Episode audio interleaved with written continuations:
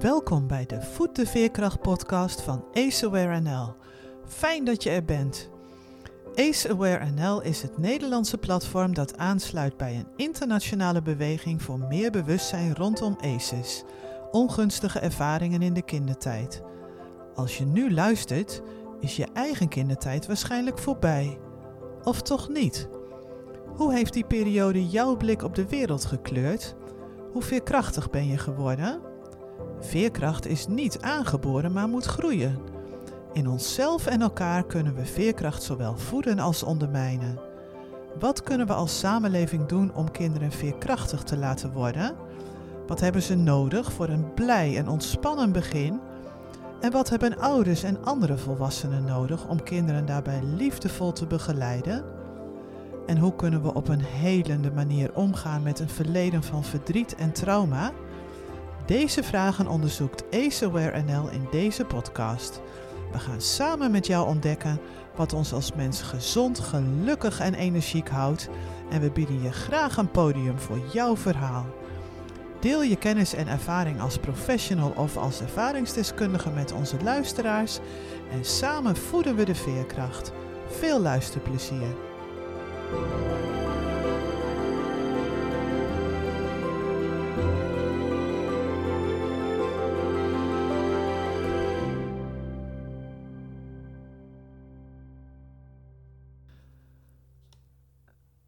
Is 12 oktober 2022 en ik ben aanwezig bij de conferentie Samen voor een kansrijke start, georganiseerd door het College Perinatale Zorg samen met het ministerie van VWS, VAROS en het NCJ. Het doel is om met elkaar te zoeken naar handvatten om de samenwerking tussen professionals in de jeugdgezondheidszorg en professionals uit de geboortezorg te versterken. Een van de mensen die het podium krijgen bij de opening in de plenaire zaal is Eefke Posma. Ze is binnen het sociaal domein nauw betrokken bij de lokale coalitie van Kansrijke Start en wel in haar rol als ervaringsdeskundige.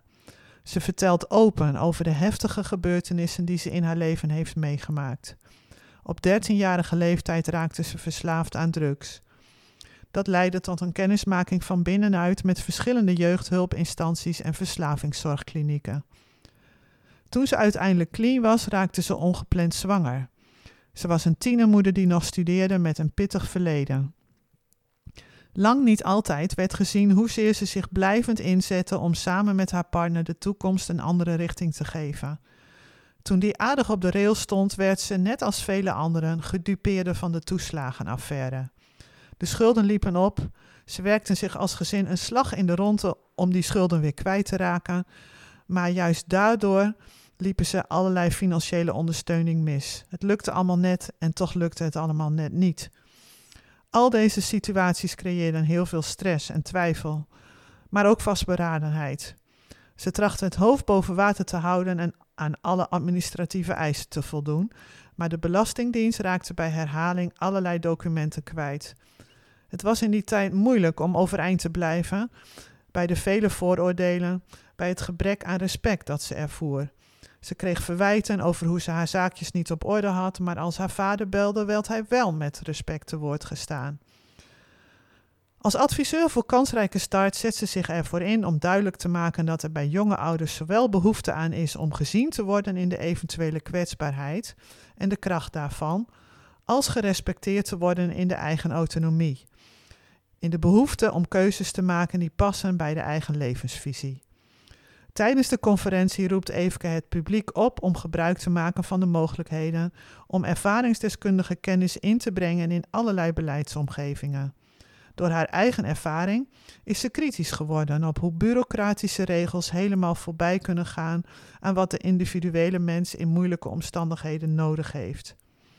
Ik luister met aandacht naar haar verhaal en als we later één op één verder praten, reikt ze me nog meer informatie over haar achtergrond aan. Ik ben zowel ontroerd als geïrriteerd door hoeveel veerkracht en vastberadenheid ouders soms moeten opbrengen om er het beste van te kunnen maken met hun jonge kinderen, die de ouderlijke aandacht zo ongelooflijk nodig hebben. Vandaag ben ik bij Eveke thuis en gaan we in gesprek over hoe haar persoonlijke ervaring tegenwoordig kleur geeft aan haar werk voor kansrijke start. De belangen van jonge ouders krachtig op de voorgrond plaatsen.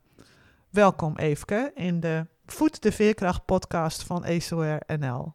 Dankjewel. Wat een mooie introductie. Graag gedaan. het was heel leuk om, uh, om in gesprek te raken en ook uh, na de conferentie.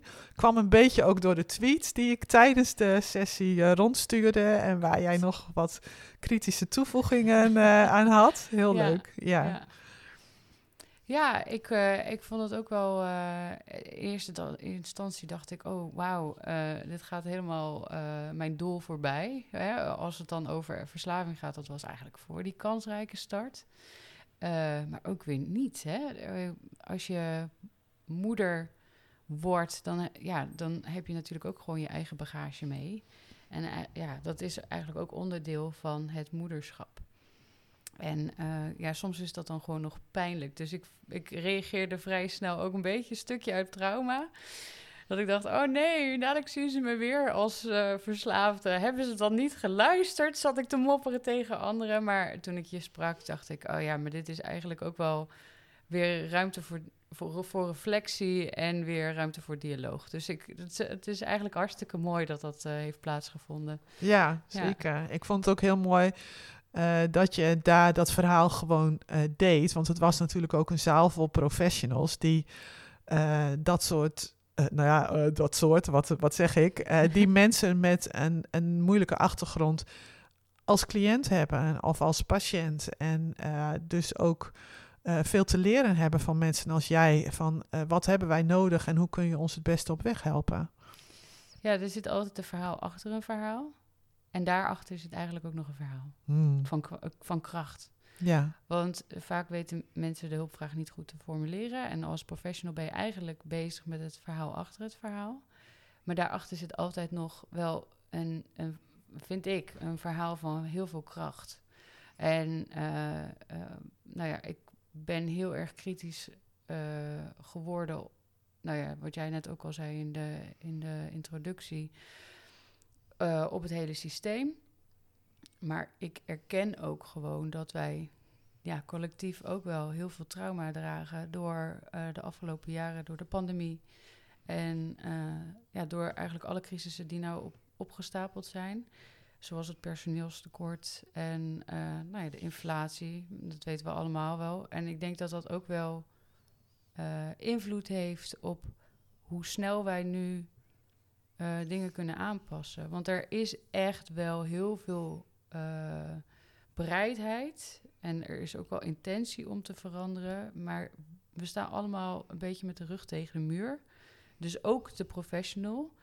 Um, en ja, dat is eigenlijk, we moeten allemaal gewoon geduld hebben met elkaar en geduld proberen op te brengen om echt te kijken van hoe kunnen we nou in dialoog blijven en zorgen dat we samen helen. Ja. dat is het vooral. Want uh, we kunnen elkaar blijven verwijten van ja, maar dit is niet goed en jullie moeten voor mij zorgen en de professional dit. Maar die hebben ook gewoon een leven en dat zijn ook gewoon mensen.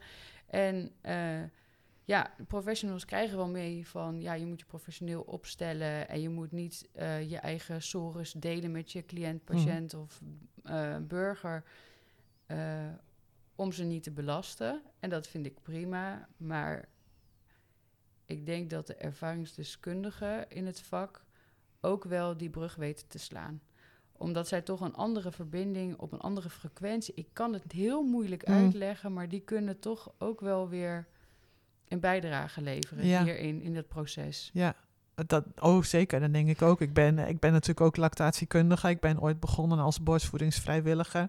Dus daar was die ervaringsdeskundigheid ook een voorwaarde om überhaupt in die rol uh, te mogen uh, functioneren. Uh, professioneel opstellen noem je. Hè? Ik sprak daar onlangs ook met iemand over. Wat, wat verstaan we daaronder? mag je huilen met een cliënt? Mag je je emotie laten zien? wat, waar denk jij aan als je, als je spreekt over professionele opstelling? Nou ja, dat is toch echt wel die afstand bewaren. Dus niet je emotie dus daar te dichtbij laten komen. Hmm. Uh, want anders ga je projecteren. Of, of dan wordt het gezien alsof je, nou ja, toch gewoon uh, onbekwaam bent. Hmm. Om die persoon uh, te, te kunnen helpen. Want jij moet eigenlijk ja, toch jezelf een beetje verheven plaatsen of zo. Op, ja, je moet jezelf toch wel hoger plaatsen, want jij moet die ander omhoog zien te trekken in het hele proces. Hm. En dat vind ik niet helemaal correct. Want ehm, je moet naast die persoon gaan staan en niet boven. En eh, praten over en praten met, daar zit een heel verschil in. En ik vind eerlijk gezegd, ehm, ja, je mag er heel wat van vinden over die kwetsbaarheid van professionals, maar ik vind het juist fijn. Kijk, eh, ik heb ook wel eens zitten mopperen. Ja, Eh, maar ik vraag. er was genoeg te mopperen, hè? Ja, ik heb ook Ja. wel eens zitten mopperen op de, op de medewerkers van de gemeente. Maar ik vraag er wel elke keer naar. Hoe gaat het met jullie? Hebben Hm. jullie het druk? En eh, in mijn eigen dossier dan, hè, heel persoonlijk. Niet met mijn collega's. Dat vraag ik natuurlijk ook wel aan mijn collega's. Maar het gaat mij ook aan het hart hoe, hoe het met die mensen gaat. Want ik praat met een mens. Ja, En ik heb nooit gezegd van, oh, eh, eh, dood en verderf aan de Belastingdienst. Eh, zij moeten ook voelen wat ik heb gevoeld. Hm. Dat, dat voel ik helemaal geen niet. wraak bedoel je? Nee, voor geen wraak en geen wrok. Ja, misschien wel een beetje wrok. Zo van, potverdorie, heb je dan echt zo'n plaat voor je kop? Ja, Ehm, maar ja, ik denk wel dat als je echt met compassie eh, bena- die, die medewerker benadert, dat je dan veel verder komt dan dat je alleen maar loopt te, te klagen en te zeuren en te mopperen. Hm. Dus van ja, maar ik wil dit en ik wil dat. Nee, dat is dan, dan binnen de kortste keren. Als je continu tegen de haren instrijkt, dan heb je iemand die dadelijk gewoon burn-out heeft. Dan heb je helemaal niemand meer waar je tegenaan Ja. eh, kan praten. Dus je moet ook zorg dragen voor degene waar, ja, waar die voor jou zorgt. Waar je Ja. van afhankelijk bent. Want we zijn eigenlijk afhankelijk van elkaar. Ja, toch vind ik dit wel een, een soort grootse eh, streven wat je hier eh, naar voren brengt. Want als ik, eh, dat, als ik jouw verhaal hoor en, en lees en ook wat daar verder over in de media naar buiten is gekomen en hoe heftig dat was voor mensen. Hè? Huizen die verkocht moesten worden, banen kwijt, huwelijken gestrand, eh, kinderen uit huis geplaatst. Het was allemaal niet niks. Het was niet niks, nee. Nee. En het is ook nog niet klaar. Nee, en dat, dat, dat kan me soms ook wel frustreren. Gelukkig eh, heb ik heel veel boeken waar ik heel veel wijsheid uit haal. nou ja, ik heb me daar ook wel. eh, dat heb ik ook wel nodig. Omdat je kan me ontzettend mee laten slepen door mijn eigen trauma en mijn eigen copingmechanismen. Eh, ik kan heel erg in de, in de eh, zelfmedelijden en heel melancholisch kan ik worden. Maar ja, wat heb ik daaraan? It doesn't serve me. Hm. Het, het, het Hmm. brengt mij niks. Het brengt mijn kinderen niks. En ehm, ik ben altijd wel zoekende nu. Nou ja, sinds dat ik eigenlijk in die bestaanszekerheid. Ja, ik vind het een beetje raar, rare term eigenlijk. Sinds dat ik kan helen. Hm. Dat ik de ruimte heb om wat vaker adempauzes te nemen. eh, ben ik elke keer zoekende naar eh, woorden van kracht. Hm. En die vind ik op de, op de leukste plekken. In de, in de gekste boeken, die misschien helemaal niet relevant zijn tot het onderwerp, wat we net ook al bespraken voor de opname in films. En, ehm, en in muziek. Hm. En ehm, ja, daar, daar moet je ook wel gewoon de kracht uitputten. En ik denk ook. ehm, ja, dat je. Dat je ehm, dat je ook heel veel kracht kan putten uit al die narigheid. Hè? Je kan ook veerkrachtigheid creëren. En je kan ook eh, nooit voorzien wat, het, ehm, wat de narigheid met zich meebrengt. Of wat- Ja, als je dan Aan een positieve dingen. Aan positieve Ja. dingen. Wat, wat levert het op? Post-traumatic growth wordt dan wel ge- over Ja, dat- gesproken. Dat, is, dat, dat ja. ook. Daar heb ik ook al een keer een podcast over gemaakt. Maar ik las laatst een boek ook over de filosofie. En toen zei iemand van... eh, toen lazen ze iets voor over... eh, eh, ja, ik kan me niet meer zo heel goed herinneren. Maar die, die hoofdpersoon was eigenlijk zo van... Ja, nou ja, eigenlijk moet ik het heel eh, abstract bekijken. Van ja, er kan iets naars gebeuren. Maar misschien pakt het ook wel weer goed uit Hm, hm. in die end, weet je wel? Dus zo zie ik het ook wel voor me. Van, ja, ik, heb, ik roep wel vaker van, ja, dit kan er ook nog wel bij. Ehm, maar dat heeft het ook wel... Al die narigheid in het verleden heeft er ook wel voor gezorgd, zeg maar, dat ik uh, weet dat het ook wel weer goed kan komen. Mm, mm. Ehm, en dat heeft me ook wel weer hoop gegeven of zo. ja, dus het nou ja, dat, dat is heel mooi natuurlijk. Tegelijkertijd denk ik ook, uh, er kan altijd voldoende gebeuren. Het zou toch wel fijn zijn als we bepaalde, wat zal ik zeggen, weeffouten in het systeem uh, onder ogen gaan zien met elkaar. Of proberen aan te pakken of op te lossen. Hè? Want je zegt, ik spreek uiteindelijk altijd met een mens, ook als ik met een ambtenaar in gesprek ben. Maar ergens spreken we allemaal ook altijd met het systeem en met de hele context en met hoe we dat met elkaar hebben ingericht. Nou ja, we hebben ons heel erg afhankelijk gemaakt van de digitalisering. En ik denk dat uh, met de Daar zie je ook een groot aanknopingspunt voor wat er mis is gegaan. Nou, ik denk het wel, want we uh, leggen veel vast in een systeem. En uh, er zijn voorspellende modellen waar we gebruik van maken, wat er ook bij de Belastingdienst is, is gebeurd. Wat uh, ook helemaal totaal is afgebrand uh, bij, door het Europarlement. Dat dat echt niet kan worden ingezet. En wat vervolgens wel nog wordt ingezet. Ook nu, zeg maar, onder het mom van preventie. En dat is eigenlijk ook wel mijn kritische noot aan het hele, hele project van kansrijke start. Is van ja, maar we moeten ook blijven kijken naar, uh, die, naar het systeem. Want het systeem wat we nu gebruiken is vervuild en verouderd. Kijk, ik ben echt geen uh, eh, ICT'er of IT'er. Ik heb daar echt helemaal geen verstand van. Oh, ja. ik zal dichter bij de microfoon gaan zitten.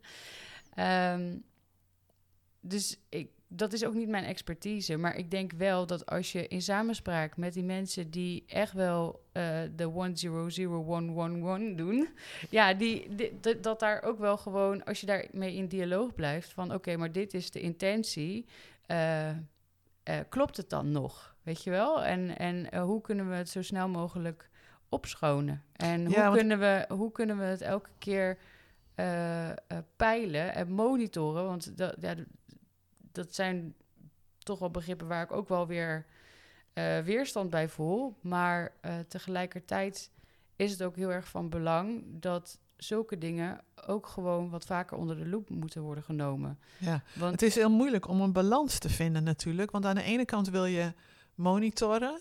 Ja, maar ik bedoel eigenlijk het systeem monitoren. Want ah, als het departement bijvoorbeeld aan de ene kant uh, voorspellende modellen gebruikt om hè, fraude tegen te gaan, en dat heeft zijn uh, nawerking of bijwerkingen in een ander systeem.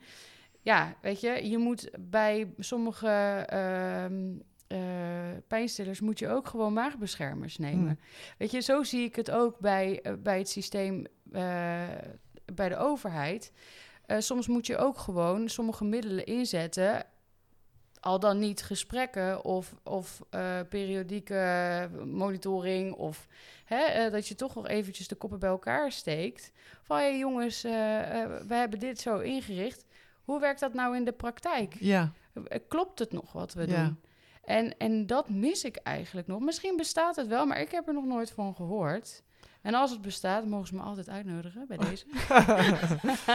ja, want dat, dat woord uh, profiling is ook wel voorbij gekomen. Hè? Selectie op achternamen en op... Uh, nou, we spraken net ook even iets over iets waarvan je zei van... Uh, het basisregister persoonsgegevens. Als daar dingen in terechtkomen die tot alarmen leiden in andere systemen... dan kan daar een cascade aan aan maatregelen en aan stappen uit voortkomen. Waarbij dus ook naar voren komt dat het dan blijkbaar heel moeilijk is om een nieuwe start te maken. Want in de tussentijd, tussen het moment waarop dat ene gegeven in die, in die ene database is terechtgekomen en het moment dat die andere maatregel genomen wordt, heb je misschien je hele levensrichting veranderd. Zeker. Kijk, als je dan hebt over de indexering van risicojongeren, van wat ik nu weet, uh, dat dat er is. Uh, als dat de aanleiding zou zijn, en dat weet ik niet 100%, want ik heb, ben nog niet op de juiste plek geweest om dat echt zo dusdanig te kunnen onderzoeken. Uh, als dat de aanleiding is geweest dat wij gedupeerden zijn van de toeslagenaffaire, want ik geloof in die zin niet in toevalligheden, Hmm. ehm, dan moet er wat worden bijgeschaafd. Want dan zijn we ook aan het afstevenen op een nieuwe affaire, Ja. Vrees ik. Hmm. Ehm, want dat was eigenlijk onder het mom van preventie. En die heb ik niet er mogen ervaren. Preventie niet. Eh, dat we. Nou ja. Eh, het is maar net hoe je preventie interpreteert, natuurlijk. Ja, want hoe kijk je naar die term risi- risicojongeren? Want dat is ook alweer Ja. een label natuurlijk, of een soort oordeel. Kijk, de risicojongeren, dat begrijp ik. We hebben geen onbevlekt verleden. Ik en mijn partner beide niet. En dat, dat, die, hij is op die lijst gezet. Eh, nou, hartstikke mooi. Dat is dan ook met de intentie dat, dat er makkelijker gecommuniceerd kan worden bij professionals. Dat, zij op die, dat hij op die lijst staat. Zou dus beter worden. Hmm. De zorg zou beter worden. Maar wat eigenlijk het resultaat is gebleken, dat ehm, we vaker bewijs moesten aanleveren. Ja. Omdat er vanuit wantrouwen werd gehandeld naar Hmm. ons. Want risico, Ja. risico, wantrouwen, ook vaker gestopt door de politie. Eigenlijk werden we meer bestempeld als enemy of the state. Dan dat er werd gezegd, goh, die persoon in kwestie heeft het zwaar. ja. We zullen wat vaker de hand uitsteken. Ja. Dat is niet gebeurd. Nee. Kijk, en dat vind ik kwalijk. Want eh, als we dan kijken naar ondermijning in het sociaal domein, dat willen we ook met liefde eh, wegwerken. Eh, ik merk dat ik het eigenlijk alleen maar zie verergen. Want als jij structureel mensen in een kwetsbare positie in de steek laat voor hun gevoel, zullen zij eerder de stap maken naar de criminaliteit. En zullen zij ook niet zomaar eruit stappen nee. omdat het systeem hun toch in de steek laat voor hun gevoel. En als je dan ook nog eens kijkt naar die risicoprofilering die je dan ook nog eens hebt. Ja, de benadering en dat, dat respect wat je dan mist. Ja, dat, dat maakt het eigenlijk alleen maar dat, dat, je, dat je mensen tegen elkaar uitspeelt. Ja, dus de veiligheid die in die vroege fase ontbrak en waardoor bepaald risicogedrag is ontstaan, die, die wordt dan niet opgelost, maar eigenlijk in stand gehouden of verergerd, zeg je. Nou ja, het is in ieder geval niet traumasensitief. nee. nee. Want als je dan te maken hebt, bijvoorbeeld met een, met een gezin in het eh, sociaal domein, wat al langere tijd eh, bekend is, ehm, nou, waar dan multiprobleem is, en eh, ook sprake is van vroeg kinderlijk trauma en zo, ik noem hem even voor de makkelijkheid jongen of persoon, mens, ehm, die dan opgroeit eh, en die continu eigenlijk aan het kortste eind trekt. En dan de fout ingaat en dan ook nog eens krijgt te horen, zie je wel? ja. Het ligt dus wel aan jou. Kijk, dat heb ik ook elke keer mogen ervaren in de tijd van de toeslagenaffaire. Zo van, zie je wel? We wisten wel. Het lag wel aan jou. Weet je, dat gevoel van, ja, zie je nou, je bent gewoon een loser. Je bent Ja. echt gewoon een loser. Zette zich dat niet. vast in jou? Eh, Begon je daar ook zelf in te geloven? Oh, Of- zeker. Ja. Ja. ja, Het is ook niet voor niks dat ik weer helemaal afgleed. Dat is... Mm. Dat interna naar, internaliseer je, toch? Ja. Ja. Dat is... eh, Ja, vond het ook heel lastig. Ik kon mezelf ook niet meer op waarde schatten. En dat merk ik ook steeds meer nu.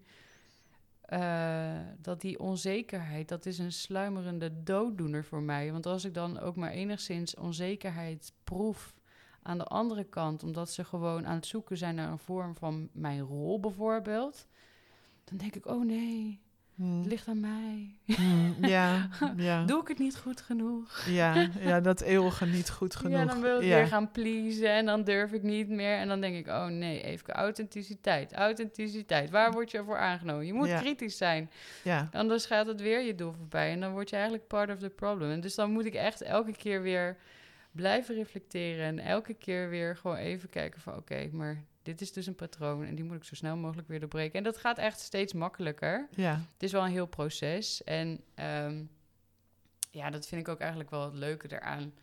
Ehm, Je spreekt nu over je rol als, uh, als, advies- ja, ja. als ervaringsdeskundige. als adviseur. Als voor adviseur, de, ja. ja. En ehm, nou, heel veel mensen hebben gevraagd van... Ja, waarom ga je niet de opleiding doen? Want dan kan je beter je grenzen aangeven. En dan denk ik, ja, maar dat is ook een proces. Dus dan ga je eigenlijk in therapie op school. En dan krijg je tools. Terwijl, ja, weet je... Ik zag het nut er niet van in. En eigenlijk nog steeds niet bij mezelf. Omdat ik denk, ja, dat heeft veel meer... Als je zo'n opleiding hebt gedaan, dan ben je alsnog niet klaar.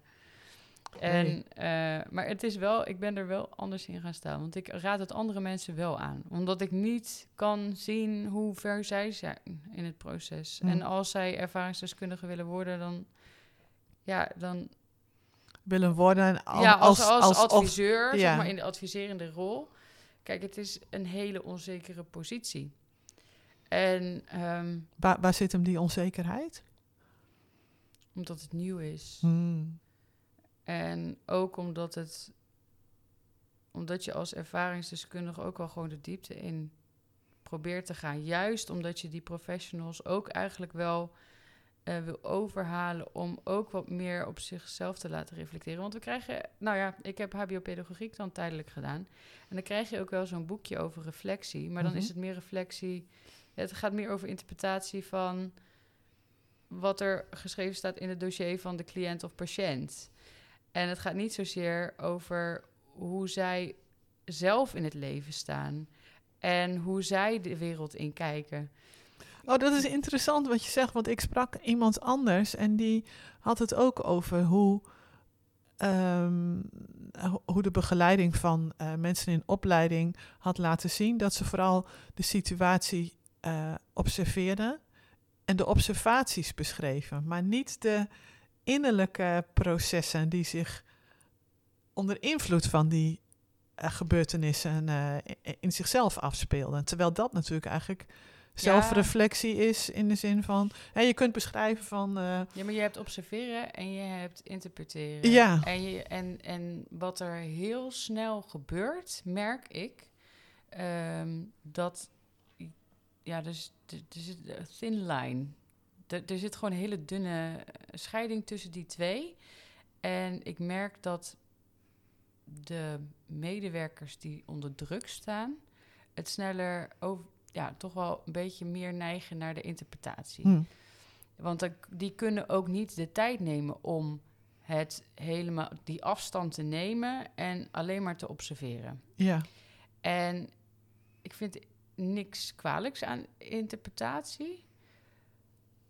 Maar dat is het stukje van de professionaliteit. Dat je echt de tijd moet gaan nemen om te observeren. En als je wil interpreteren, moet je ook weer gaan reflecteren. En Mm. dat ontbreekt er vaak nu aan, omdat er gewoon een ontzettende werkdruk ja. is. En nou ja, dan komen we weer terug op dat collectieve trauma. Want ik merk gewoon ook eh, onder de werkende professionals van... ja, maar ik ben van caseload van 80 eh, dossiers naar eh, 180 gegaan. En de menselijke maat, ja, hoe dan? Hoe, ik, eh, ja, ik eh, doe mezelf dan ook tekort en dan ga ik zelf ook dadelijk over de kop. ja. Ehm, ja, dus dat is eigenlijk ook wel een probleem. En eh, ja, dat, dat is eigenlijk ook wel iets wat ver buiten mijn expertise ligt. Want ik kan niet adviseren van, joh, eh, neem zoveel meer personeel aan, want dat is er gewoon Nee. niet. Eh, ja, en dan moet je dus verder kijken van wat is er nu nodig. Ja, daar, daar stip je iets aan, hè? tijdsdruk als ehm, factor in de mate waarin je in staat bent om de rust te bewaren en om eh, processen rustig te verloop, laten verlopen. En dan hebben we het over werkprocessen, maar ehm, voor ouders is het natuurlijk ook vaak heel erg moeilijk eh, met de hoge rentes en de dure huizen en de inflatie. Je stipte zelf eh, eerder de inflatie ook al even aan. Ehm, het is voor ouders op het moment vaak ook heel erg lastig natuurlijk om in alle rust de kinderen thuis te begeleiden bij wat ze nodig hebben. Ja, en dat is eigenlijk ook wel weer mijn punt. Want als wij niet erkennen dat wij allemaal overlopen van de stress...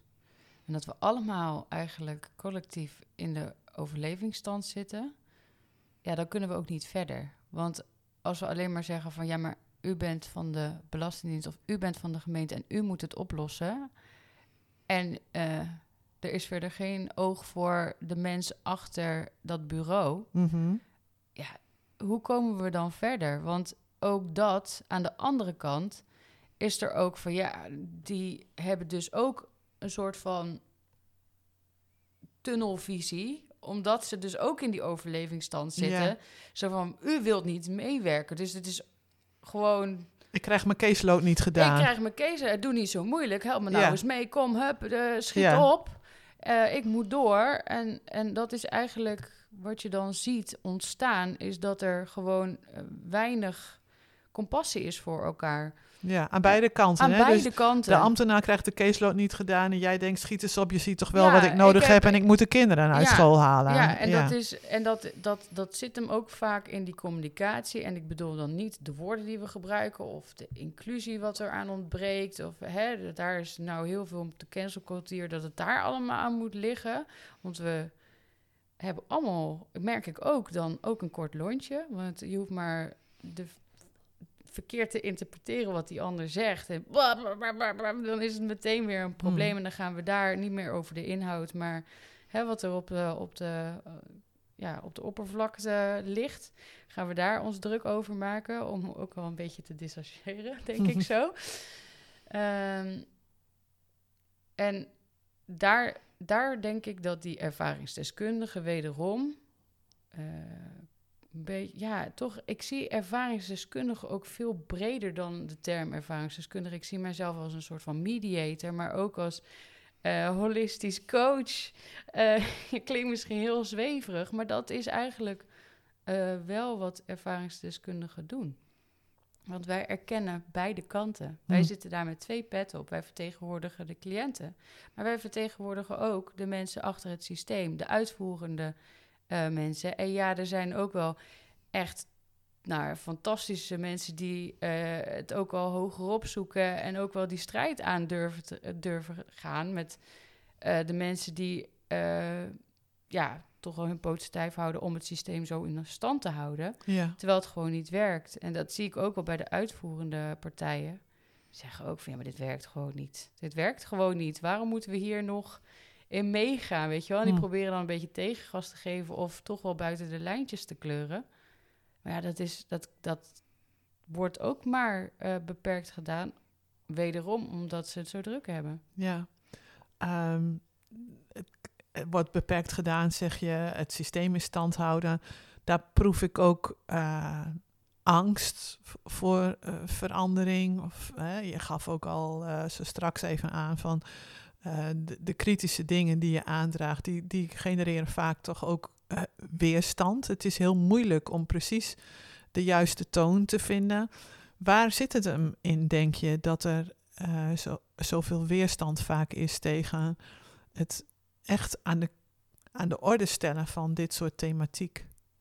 Ja, omdat het, dat het toch wel weer een nieuwe vorm is. Omdat het toch wel weer groei is. En die groeipijn dat, die ze dan ervaren, Hmm. ja, dat zorgt voor, voor weerstand. Omdat ja, dat, dat, de Ongemak. groeipijn, ongemak, eh, het onbekende, ja, dat, dat, dat is gewoon eng en het doet misschien pijn. En het is eh, toch wel iets eh, tegenstrijdigs van de overtuiging die je hebt aangeleerd. Hmm. Eh, ja, er zijn genoeg discussies gaande wat er heel goed een metafoor voor is. Eh, zo van, ja, maar zo was het altijd. Hè? Ja. En waarom moet het nou ineens anders? En ehm, ja, dat, dat zie je op verschillende gebieden ook met, met de ehm, duurzaamheid bijvoorbeeld. En met, eh, de, de, hoe heet het, met, de, met het klimaat. En dat we daarin veranderingen moeten doorvoeren. En dat daar ook weer weerstand in, in wordt ervaren. En ik vind het een hele troost juist ook hè, dat ik dan ook boeken lees van eh, andere ja, pioniers, noem ik het Hmm, maar. Ja. eh, die dat dan ook omschrijven. En ik voel me vaak toch wel, ja, niet echt minder, maar wie ben ik? Ik heb Hmm. in dit systeem, in deze maatschappij, eh, heb ik nog niet een gerespecteerde plek eh, verworven. eh, zoals die, zeg maar, in de normale klasse, zeg maar, eh, vorm krijgt. Ik heb niet een, een, een heel groot, grote business. Die, ik heb niet heel veel geld. Geen machtspositie. ik heb geen machtspositie, ik heb, ik heb geen leverage, ik heb geen hoge diploma's, ben niet cum laude afgestudeerd, weet je wel, dat soort dingen. Ik dacht dat dat eigenlijk ook wel iets was waardoor je eh, sneller verandering kon toebrengen of eh, kon doorvoeren.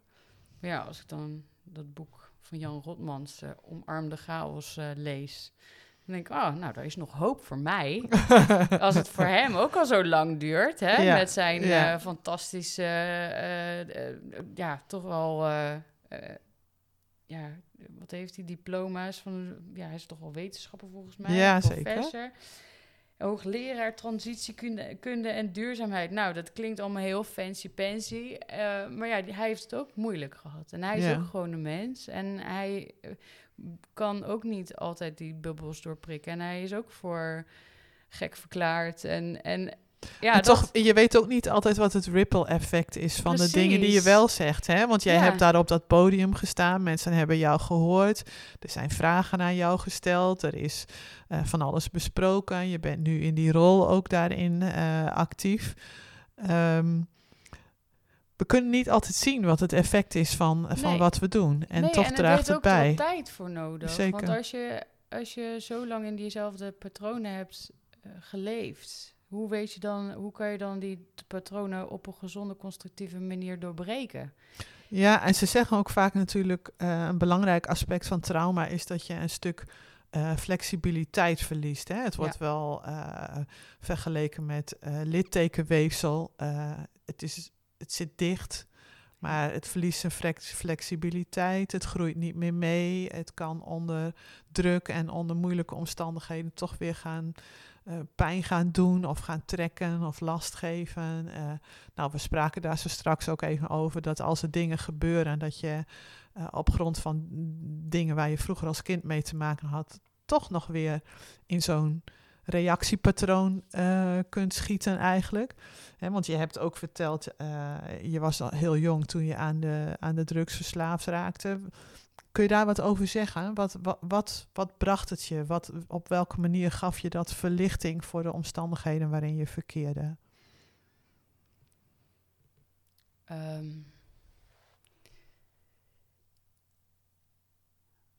ja, het was gewoon pijn verzachten. Ik was zo boos eigenlijk op de wereld. Hm. En ehm, ja, als je vanaf jongs af aan al een heel sterk rechtvaardigheidsgevoel hebt en je overziet bepaalde dingen die niet kloppen. Want ik merkte gewoon eh, dat er ook niet dat het ook niet klopte hoe het onderwijs in elkaar stak. Hm. Ehm, want ik kreeg altijd het gevoel, want iedereen zei: Oh ja, je moet echt het theater gaan. Want ja, dat leren dat van jou, dat wordt hem toch niet. Eh, ga maar met je handen werken. En mijn moeder was heel creatief, ook met filten en, en altijd knutselen. En dat, dat, dat sprak mij ook niet aan. Hm. En toen dacht ik: Ja, maar waar ben ik dan wel goed in? Hm. Weet je wel, dat vroeg ik me dan af. Dus ik werd heel erg onzeker. Toen dacht ik, ja, weet je, dan... Ja, laat me zitten. En ik was niet dapper genoeg om er meteen een einde aan te maken. Maar ik zat wel... Ja, ik overwoog het wel natuurlijk. Ik dacht ook van, ja, het leven heeft eigenlijk helemaal geen zin meer. Wat Een einde aan het leven te maken. bedoel Ja, je? ik was vrij snel heel erg down. Dat Mm. ik dacht, ja, Over mij- welke leeftijd spreek je dan? 13. 13. Ja, ik zag het leven niet zitten. Want Hmm. ik, over, ik dacht, ja, maar hier eigenlijk dit systeem, hoe het in elkaar steekt en wat voor ellende het met zich meebrengt. eh, En de overtuigingen die er heersen, allemaal zo naar. En Mm. ja, ik, ik kon het, ik had het gevoel alsof ik nergens eh, goed in was ook. Dat ik nergens in slaagde. Mm. Ik voelde me ook nergens thuis. of Thuis, zo. ja, we, we bladerden net eventjes door het boek van eh Brene Brown heen. eh, de titel eh, Atlas of the Heart. waarin er ook een zinnetje stond over alles waarbij je probeert om er wel bij te horen, maar waarbij je verraad pleegt aan het bij jezelf horen, is eigenlijk niet echt belonging, zoals zij het schrijft. D- Dat, dat, je zegt, ik had het gevoel dat ik er niet bij hoorde, dat ik niet paste in, in de setting, niet goed genoeg was. Ja, en toch was ik authentiek, eh, authentiek genoeg, zeg maar, om niet volledig eh, elke keer erin mee te gaan. Hmm. Want dan kwam ik ergens en dan dacht ik, nee, dit is ook niks. Hmm. En dan kom je overal en ik was, ja, weet je, op een gegeven moment dan ga je toch zoeken, want ik wilde toch wel ergens Bijhoren. bij horen. En dat, dat die continue afwijzing resulteerde eigenlijk dat ik mezelf opsloot eh, in mijn slaapkamer en ik ging heel veel gamen. Hmm. Eh, ik was echt verslaafd. Eh, Dat die verslaving, de patronen, die begonnen toen al heel erg in, in te zetten. Maar dat was al veel eerder. Dat startte echt ja, toen ik negen was of zo. En dat werd eigenlijk met de dag erger. Want ik trok me terug. Ja. Ik zat maar op internet. Toen moest je nog inbellen. Oh ja. En dan vonden mijn ouders niet zo leuk. Extra kosten en zo. Maar toen begon ook, zeg maar, dat was ook in de tijd dat die forums begonnen. En websites en zo. En toen vond ik ook echt een gothic site. En zelfs, nou, dat Mm. was heel duister. Maar dat, dat duistere sprak me dus wel aan. Toen dacht ik, oké, wauw. Oh ja. Schrok je ik daarvan her- eigenlijk? Nee, Of? nee, eigenlijk niet. Ik- Het was een soort van warm welkom. Ah. En dat omschreef ook van hoe je jezelf, eh, hoe je, hoe je zelfmoord kon plegen. En, en er waren echt ook, het was e- net zoiets als een pro-Anna-site, maar dan voor echt depressieve tieners. eh, die, Dus, dus eindelijk wel herkenning en belonging. herkenning En maar en nu wel op een heel duistere manier. Ja. Oh ja. Dus ja, dat was, eh, dat was, dat- toen startte ook echt wel die hele zelfdestructieve fase. Met een hele grote aanloop natuurlijk. Want Ik had natuurlijk al eh, ja, gekke dingen gedaan. Hmm. om mezelf pijn te doen en zo. En eh, ja, dat werd toen eigenlijk alleen maar erger. Want ik Mm. wilde eigenlijk ook de pijn die ik niet onder woorden kon brengen. Iemand zei laatst dat hij een... eh, ik ben even de term kwijt. Hij had een disbalans in zijn intelligentie, iets. Hij kon het dus niet onder woorden brengen Mm. wat hij voelde. Hmm. Hmm. En dat, ik had dat in die periode heel sterk. Ik, kon, ik voelde van alles, maar ik wist niet hoe ik het onder woorden moest brengen. En dat maakte het ook zo lastig om te zeggen wat er mankeerde. Want het was En om hulp in te roepen dan om ook. hulp in te roepen. Want ik, het sloeg naar binnen. Hmm. Weet je, dat, dat je als je... Dat heb je ook wel eens met een griepje of zo, weet je wel? Dan als je een koortslip hebt of zo, dan kan het ook naar binnen slaan. En zo Ja. zag ik het ook wel. Alleen ik kon het niet kwijt in, eh, in woorden.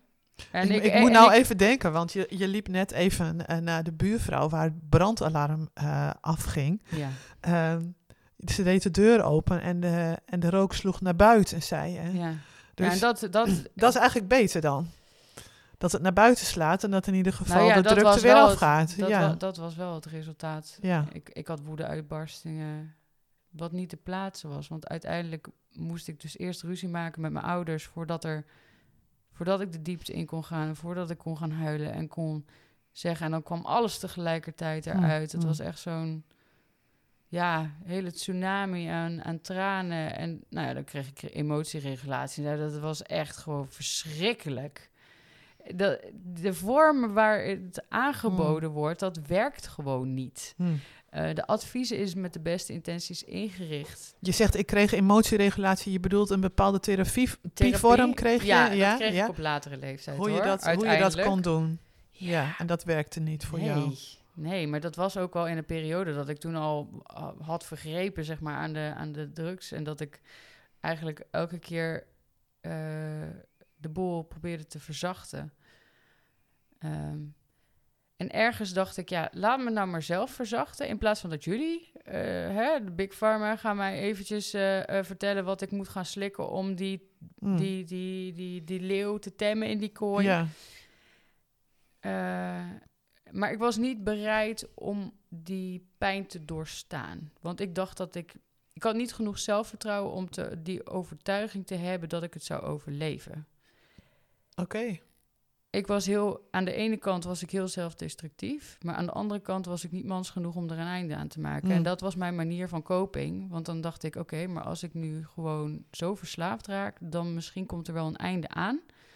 Maar Dan, dan, is hoef ik het zelf opgelost. niet. Ja, want Ja. ja. weet je, ik was eh, in die zin eh, deed ik mezelf al pijn, maar ik ging niet diep genoeg, weet je wel, met het mes. En, en dat vond ik ook hartstikke eng, want ergens wilde ik ook niet dood. Iets in mij zei, er is wel iets, er is nog wel iets, Wat weet de je wel? moeite, waarvoor het de moeite waard Ja, is. Ja, Maar ik kon het ja nog want dat ben ik benieuwd plaatsen. naar. Van, eh, we hebben het over eh, veerkracht. Je had het over de kracht van eh, kwetsbaarheid ook zo straks.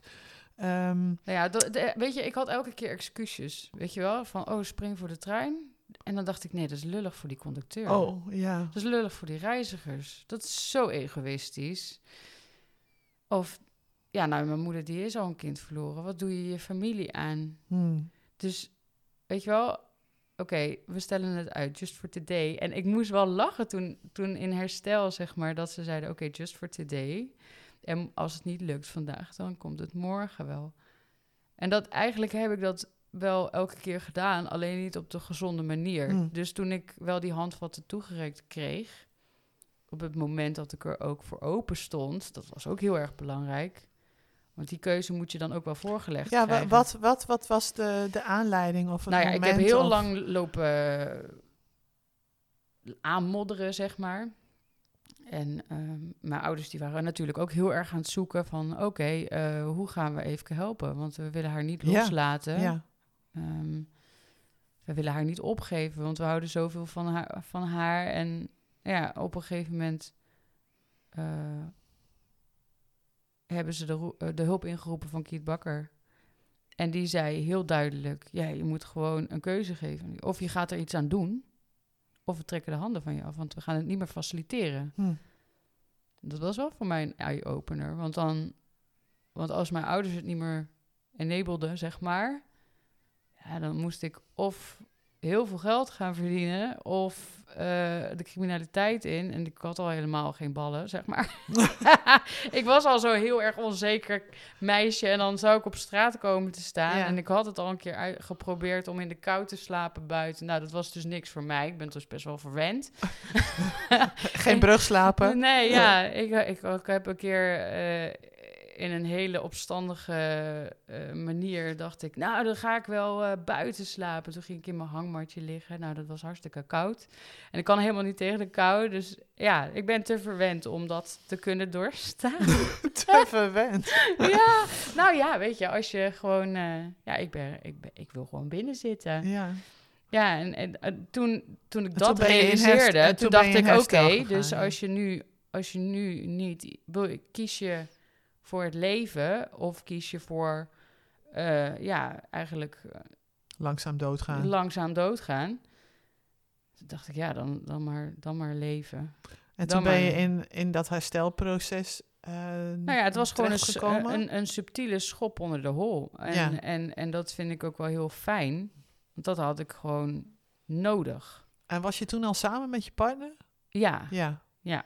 Zijn, is dat iets wat jullie samen hebben doorlopen toen? Of hoe is dat gegaan? Nou, eh, hij stond zijdelings wel. Hij was wel betrokken. Hij, hij rookte ook jointjes eh, toen. Hij heeft altijd afgekeurd dat ik harddrugs gebruikte. Ik was 16 toen ik stopte met harddrugs. Maar ja, dat blowen, dat bleef een probleem. Ehm,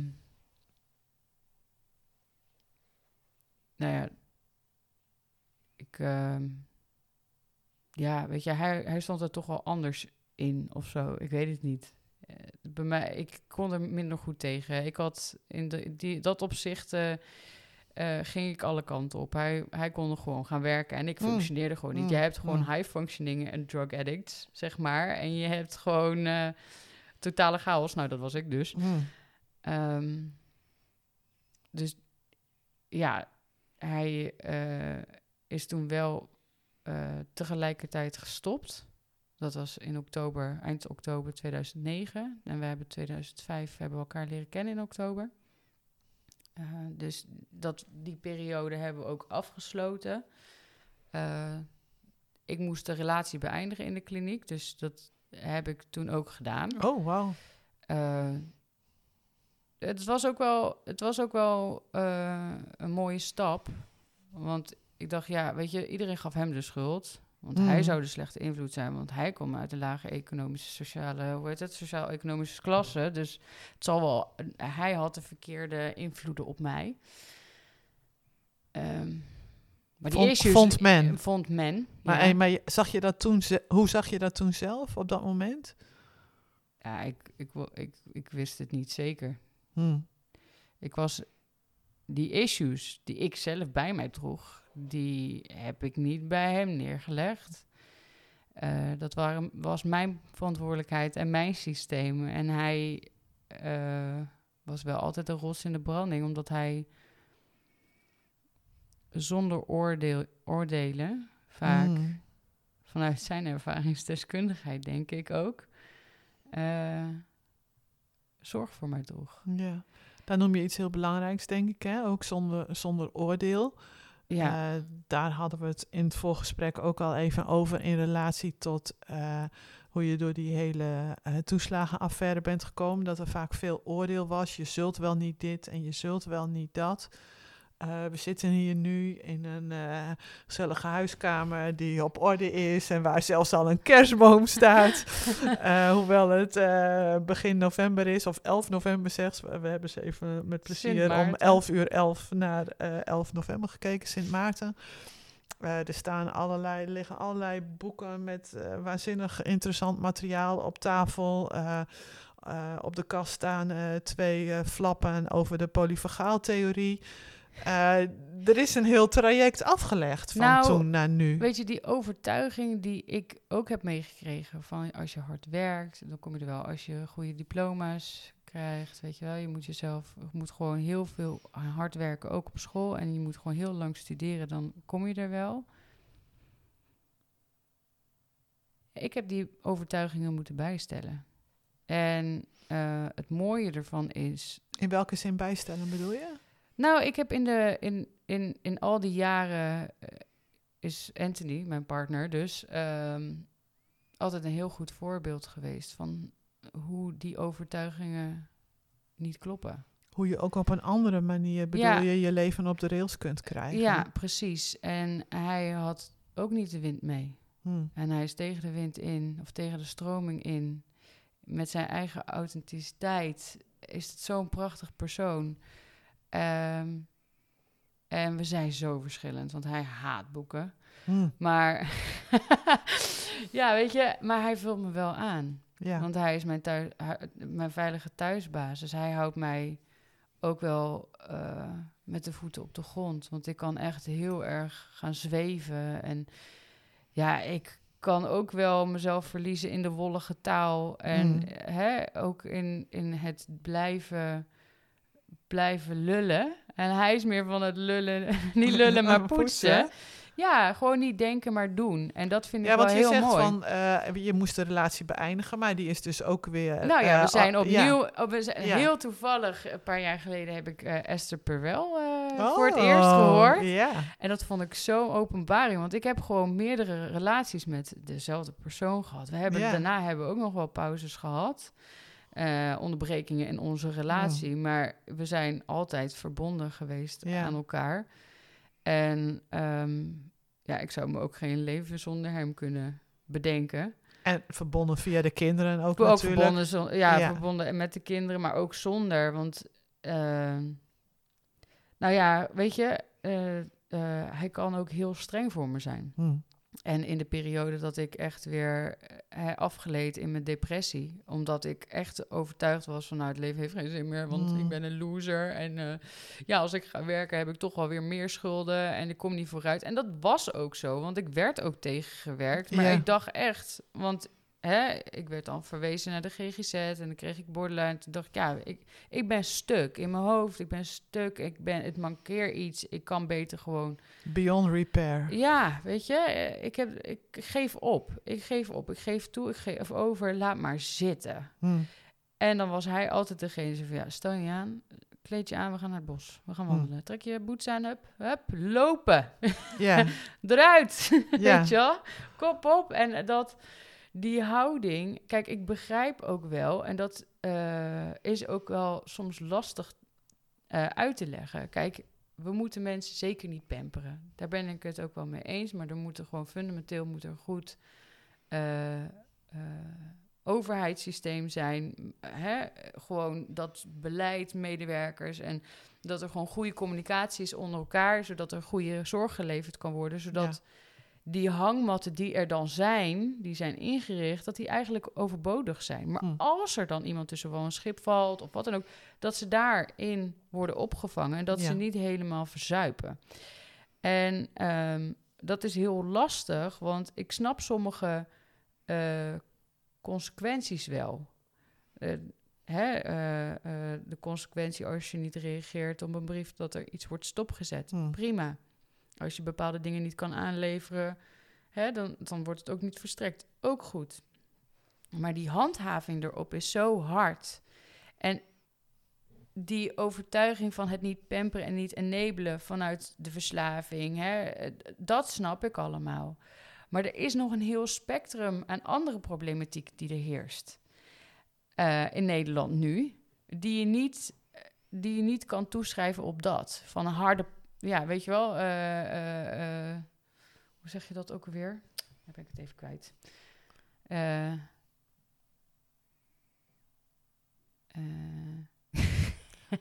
Harde sancties bedoel Nee, je? ja, harde sancties, maar ook in, in, in, in, in de opvoeding. Dan, dan moet je gewoon wat strenger zijn of zo, weet je wel. Autoritair. eh, Ja, daar is een term voor. Ik ben misschien schiet hij zo Ja. te binnen.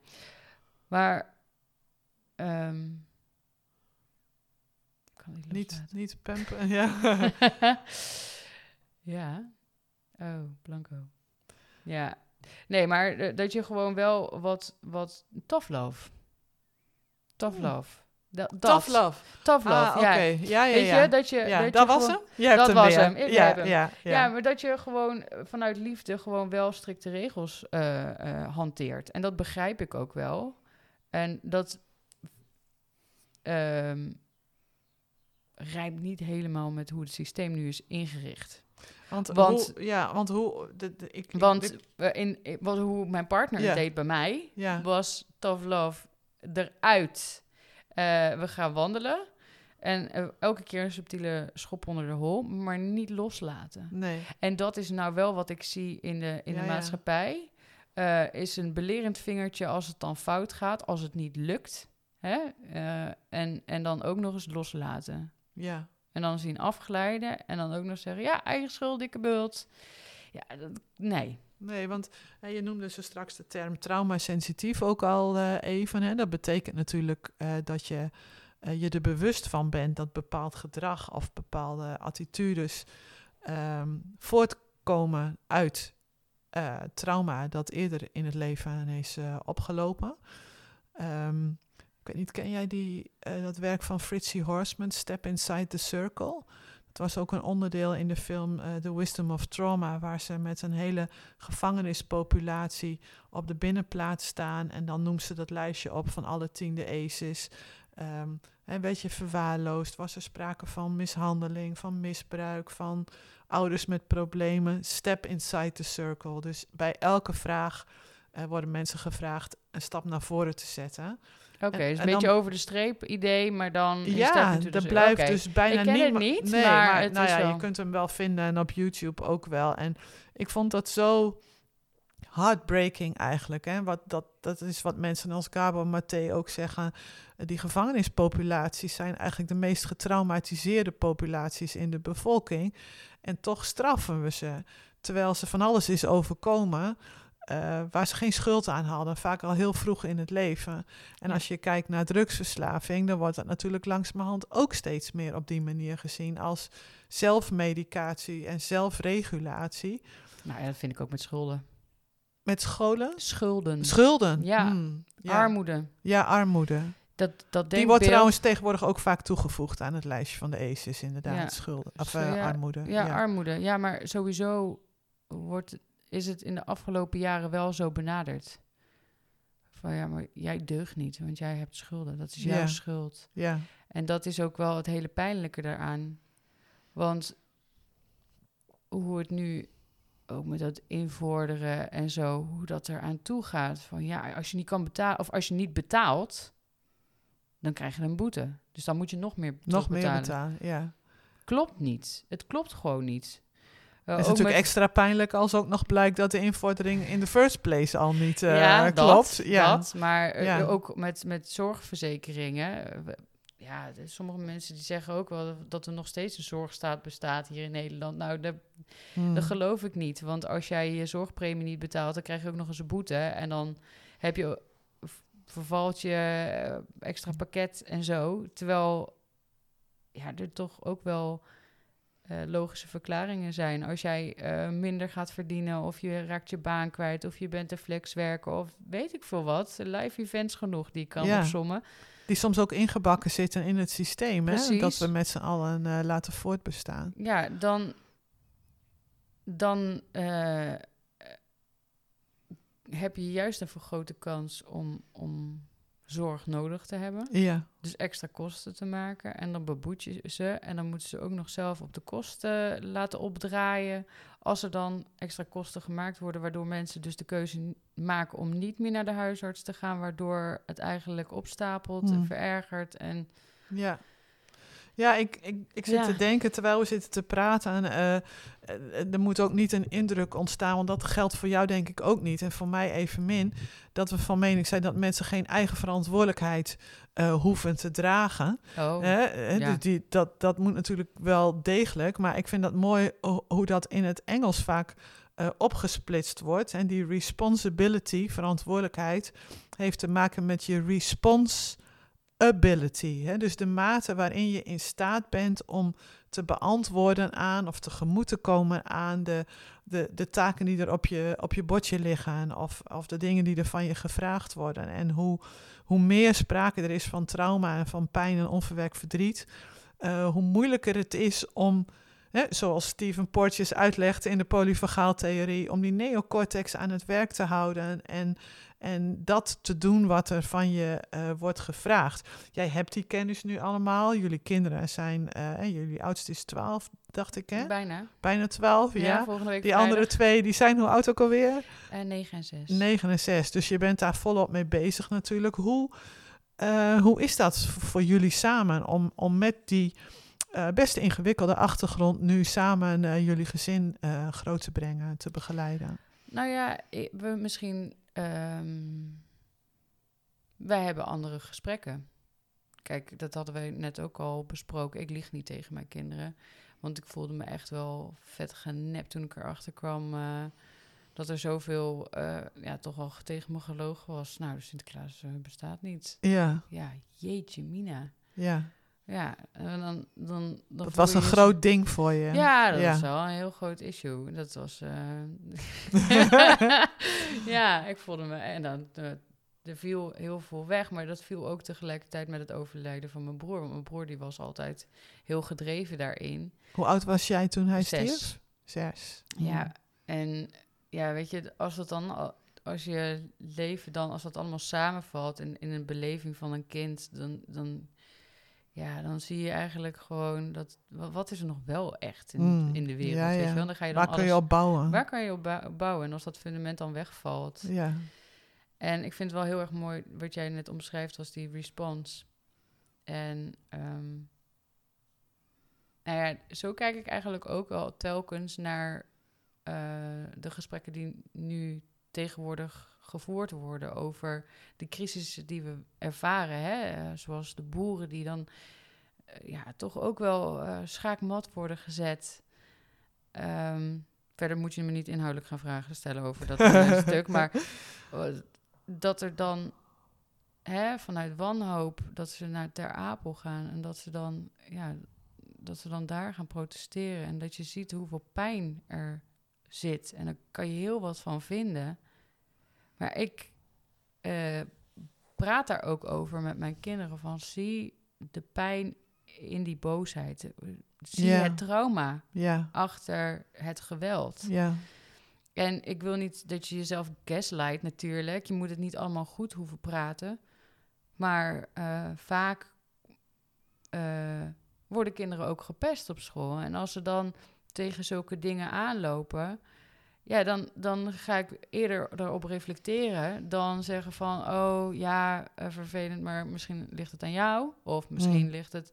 Hè, weet je wel, we gaan eerst even kijken van wat is er dan gebeurd. En Ja. dan observeer je en dan ga je dus navragen van... oké, maar eh, kan het misschien zijn ja, dat, eh, dat die persoon ook het een en ander heeft meegemaakt. En hoe gaat het bij die persoon thuis? Mhm. Misschien gaat het niet zo fijn bij hun Nee. thuis.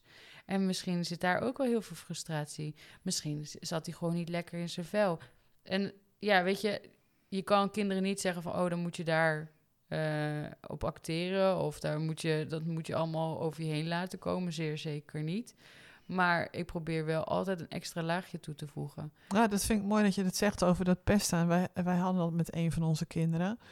En toen kreeg ik het gesprek met ze. Toen waren ze ook echt nog wel jong. Toen waren ze 10, 8, 6 en 4 of zo. Of 5, 7, 9, 11, zoiets.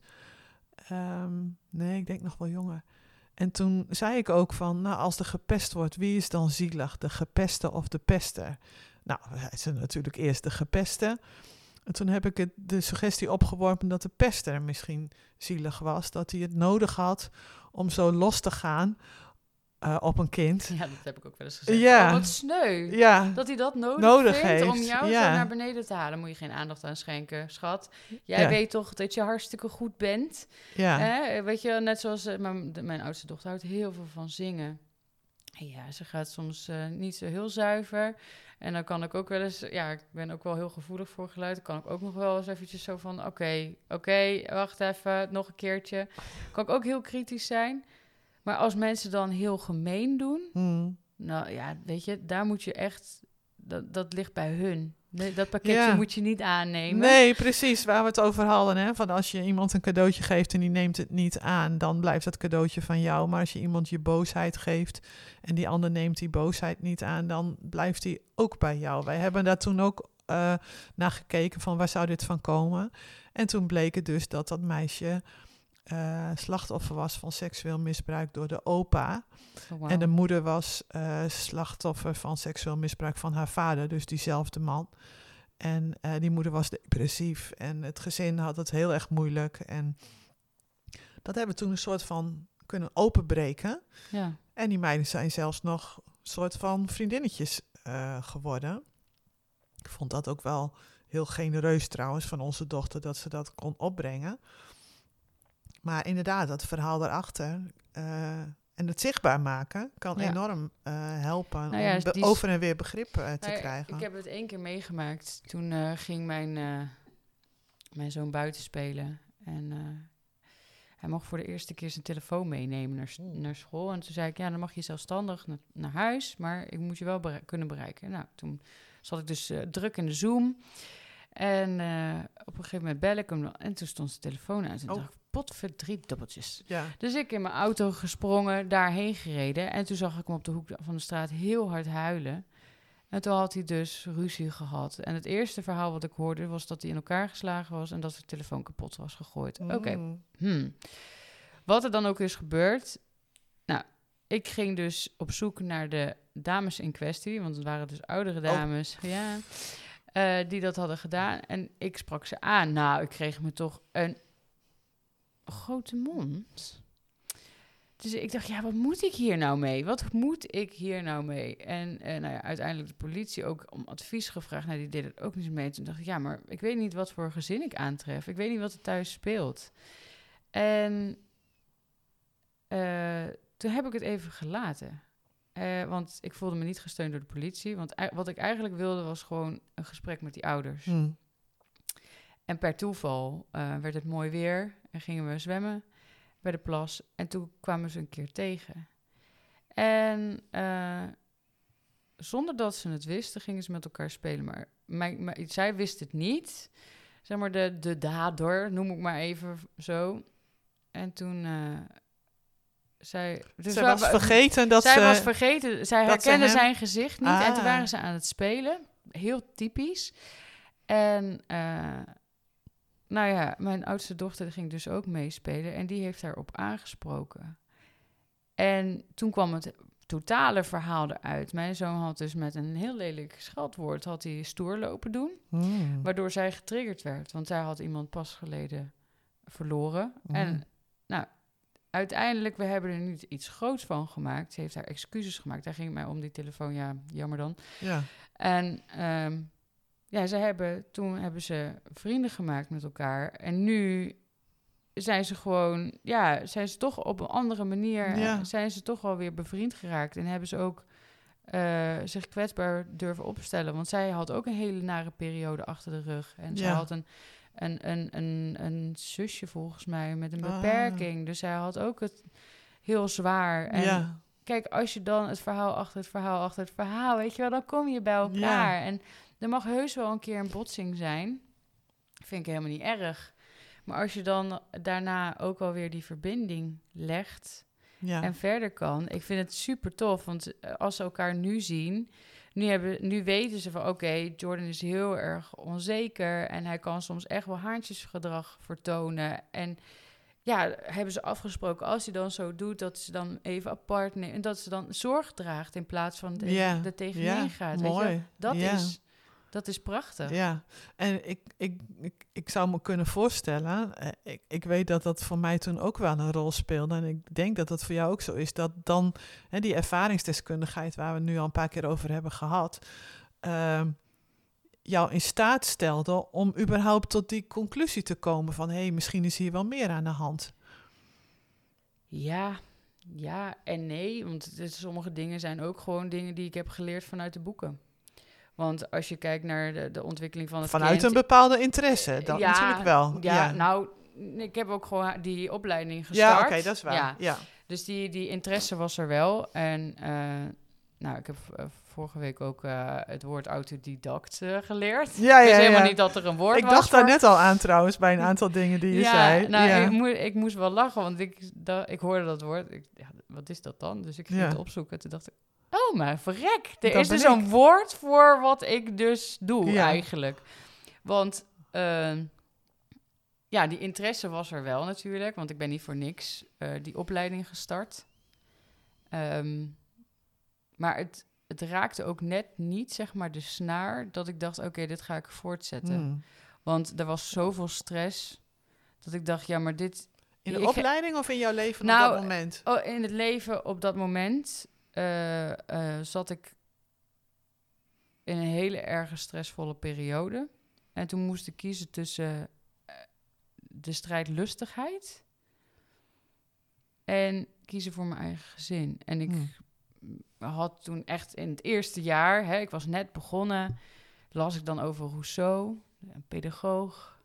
En die had zijn eigen kinderen naar het weeshuis gebracht. Oh, En toen dacht ik, ja, weet je, ik kan de strijd aangaan met het systeem. Om het alles te hervormen. En dan moet ik overal tegenaan schoppen. Het kost superveel tijd, maar ik ben net bevallen van de tweede. en ondertussen verpruts ik het thuis. Ja. Ja, en wie ga ik nou, ga ik nou de nieuwe generatie een kansrijke start Ja. bieden? Of ga ik tegen de stroming in? En toen dacht ik bij mezelf, nou, dan kies ik toch liever voor mijn kinderen. Ja. Dan ga ik liever mijn expertise, ja, eh, zelf ook een beetje eh, in de praktijk toetsen. Ja, ja, ja, ja, ja. En dat, dat is eigenlijk wat ons ook wel heeft gered. Want die overtuigingen die ik had, ehm, heeft ons ook wel gered. Ja, je ziet het misschien ook wel op mijn kopje staan. Ik zal het even voorlezen. The kitchen is for dancing. Eh, de spelige, het spel van eh, de theater die ik heb gedaan en, en de creatieve vakken waar ik me echt aan vastzoog, zeg maar, eh, vanuit de overlevingsmodus, omdat het ook wel een soort van fantasiewereld was, heeft mij ook gered. ja, dat is mooi, want eh, ACEs zijn adverse childhood experiences, hè, ongunstige. We hebben onlangs ons logo een beetje aangepast naar Awesome After Adverse Childhood Experiences. Het wordt ook wel eens, er wordt ook wel eens gesproken over uh, Positive Childhood Experiences. Dus de dingen die tegenwicht bieden aan de tegenslag die je hebt ondervonden. En dat is verbinding, creativiteit, muziek, een aantal positieve, veilige relaties in je sociale omgeving. Um, en Gabo Maté noemt dat ook de wisdom of trauma, zoals in zijn film. Hè? Dus de, de, de wisdom die er zit in het feit dat je door middel van dissociatie of, of, of zelfmedicatie, hè, zoals als drugsgebruik ook wel wordt genoemd, uh, probeert om te overleven in een moeilijke situatie. Dat is aan de ene kant wisdom. Maar hij doelt daarmee ook op de wijsheid die je ontwikkelt als gevolg van nou, uh, trauma. Ja, en ik denk dat dat ook wel die ervaringsdeskundigheid zo mooi maakt. Ja, precies. Want wij zijn gepokt en gemazeld in, in crisissituaties. Ja. En uh, wij zijn ook zeg maar in contact gekomen met uh, organisaties die daar ook voor geleerd hebben. En we hebben getoetst wat wel werkt voor ons en wat niet. Hm. En, en daardoor kunnen wij ook weer een vertaalslag maken en kijken naar hoe het kan worden bijgespijkerd. Want um, ja, laten we wel wezen, er zijn ook gewoon mensen die heel erg goed um, gaan vanuit hun trauma. Hè? Er, zijn, er zijn mensen die heel goed uh, omgaan met crisissituaties, die beter dat kunnen handelen, omdat dat voor hun ook wel een soort van veiligheid. Ja, bijna een default modus was jarenlang. Nou ja, ik moet ook wel eens bekennen. Kijk, ik heb een hele lange periode heel erg onzeker gevoeld. Hè? Uh, het triggert mij ook wel, maar het schudt mij ook wakker. Elke keer als ik te horen krijg, oh ja, je contract loopt bijna af en we weten niet zeker of we het gaan verlengen, dan word ik wakker geschud. En dat mm. is eigenlijk ook wel heel erg goed. Mm. Want dan denk ik, oh ja, wacht even. En dan, en dan uh, is dat eigenlijk ook wel een kickstart voor creatief denken. Hmm. En uh, het, aan de ene kant is het heel vervelend, want ik vind het ook wel fijn om gewoon zekerheid... Geeft ook onzekerheid, ja, ja precies. Ook weer financiële onzekerheid natuurlijk. Ja, ja. Nou, dat vooral. Um, maar aan de andere kant is het ook wel weer prettig. En, en nou, ik krijg ook wel eens de vraag van, ja, maar waarom kies je dan voor dit beroep? En dan op deze manier kan je dan niet gewoon in dienst uh, gaan of zo bij die organisaties? En uh, kan je dan niet gewoon een echt vak kiezen? Ja. maar dit is wel waar ik goed op ga. En, ja. en, en uh, een echt vak. Een echt vak, ja, ja, ja. Nou ja, weet je, het conformeren aan het systeem vind ik nogal lastig. Um, want heb je een idee daarover? Uh, want je, je praat nu over het niet verlengen, eventueel van een contract of zo. Uh, uh, als je ooit nog een andere baan zou krijgen, welke richting denk je dan aan? Of heb je daar niet zo'n beeld van? Waar, waar ligt je hart? Nou ja, ik ben wel van het mensen verbinden, heb ik gemerkt. En ik ben ook wel echt. Ehm, ik denk dat ik nog wel een hele generatie qua tijd heb om dat om, om dat uit te werken. Ja. Want uh, het is heel lastig om um, ja, die pilaren, zeg maar, aan elkaar te verbinden. Mm. Want, nou ja, zoals het nu... De fragmentatie van het systeem. Ja, de fragmentatie uh, in het systeem. En die, die decentralisatie heeft er natuurlijk... Uh, die biedt kansen, maar die heeft ook wel weer voor verdeling gezorgd en ook voor chaos. En, en je moet dat ook wel weer ordenen. En uh, ja, weet je, je kan heel chaotisch zijn, net zoals ik. Uh, maar dat is. Um, dat kan ook wel weer uh, helpen in deze chaotische periode. Want ik overzie soms in, in alle chaos ook Je raakt niet meteen uh, helemaal over de rooien als nee, er wat kijk, chaos is. ik krijg ook niet meteen kortsluiting. Uh, soms sommige mensen die houden van heel erg gestructureerd alles. En nou ja, dat is heel prettig. Maar ik weet precies waar alles ligt, ook in, in een hele chaotische mm-hmm. ruimte. Ja. Ik onthoud dat wel. Ja. Weet je? Natuurlijk is het makkelijker als ik daar niet te veel over hoef na te denken. Maar ja, weet je, ik heb ook een structuur in mijn chaos. Ja, en um, dus je zegt verbinden, een brug zijn tussen uh, verschillende systemen en daar die eh, ervaringsdeskundigheid bij inzetten. Ehm, wat is jouw indruk over eh, hoe, hoe er met de basisbehoeften van kinderen eh, op dit moment wordt omgegaan? Denk je dat die eh, allemaal in beeld zijn? Eh, worden ze gehonoreerd in het systeem en de regels die we daarin hebben? Nee, eigenlijk niet. Hmm. Nee, ik, ik. Ergens maak ik me daar ook wel zorgen over. Omdat. ehm, juist omdat we eh, ons zo hebben af- afhankelijk hebben gemaakt aan, aan, alle digitalisering en alle mooie apparaten die in het verleden een uitkomst hebben geboden aan, aan het efficiëntie Mhm.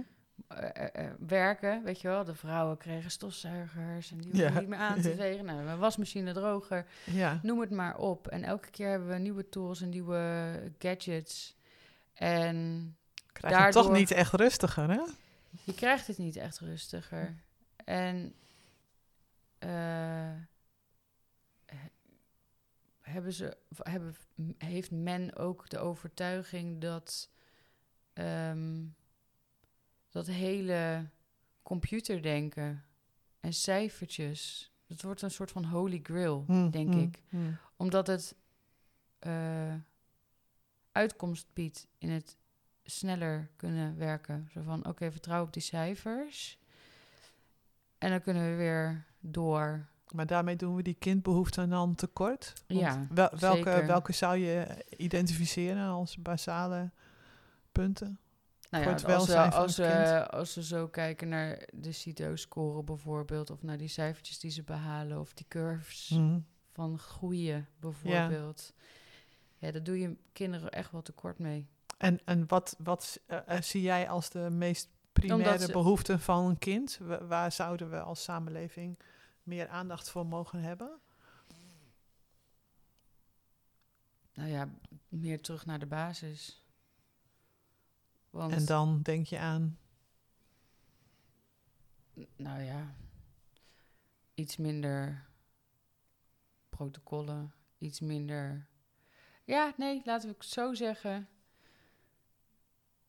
Rutte-doctrine mogen we omarmen in alle facetten in de samenleving. Dus de, de leerkrachten hoeven niet meer zoveel verslagleggingen en die hoeven niet zoveel meer in te voeren in dat systeem om al die cijfertjes op te dringen. En gewoon kijken naar het kind, Hmm. observeren, hmm, in plaats van interpreteren aan de hand van cijfers. hmm. Want dat is zo'n dooddoener.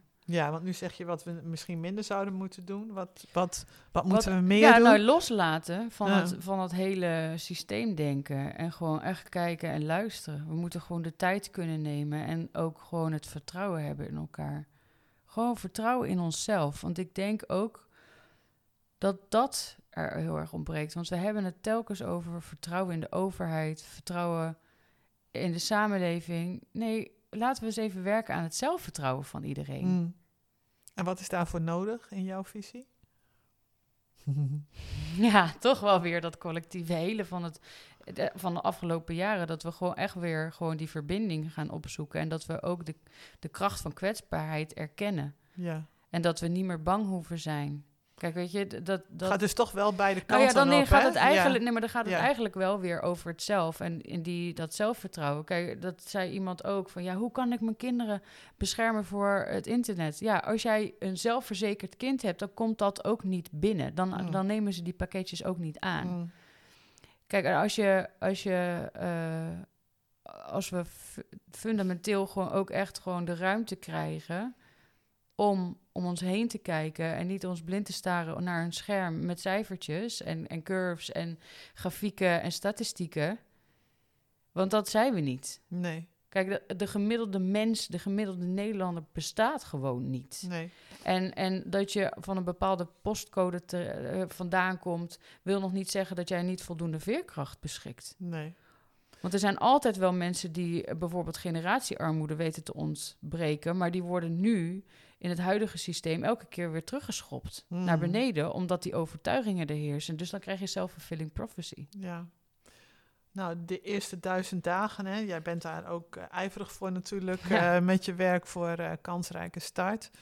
Heel mooi. Ik hoop dat je daar nog wat dingen, wat mooie dingen tot stand kunt brengen. En als je wat anders gaat doen, dat daar ook weer ja, een bijdrage kan worden, mee kan worden geleverd aan, ehm, aan de veerkracht van ons allemaal. Wat we ook zeiden, hè, het, het ripple effect van wat je doet in je eigen sociale omgeving kan je ook niet altijd meten.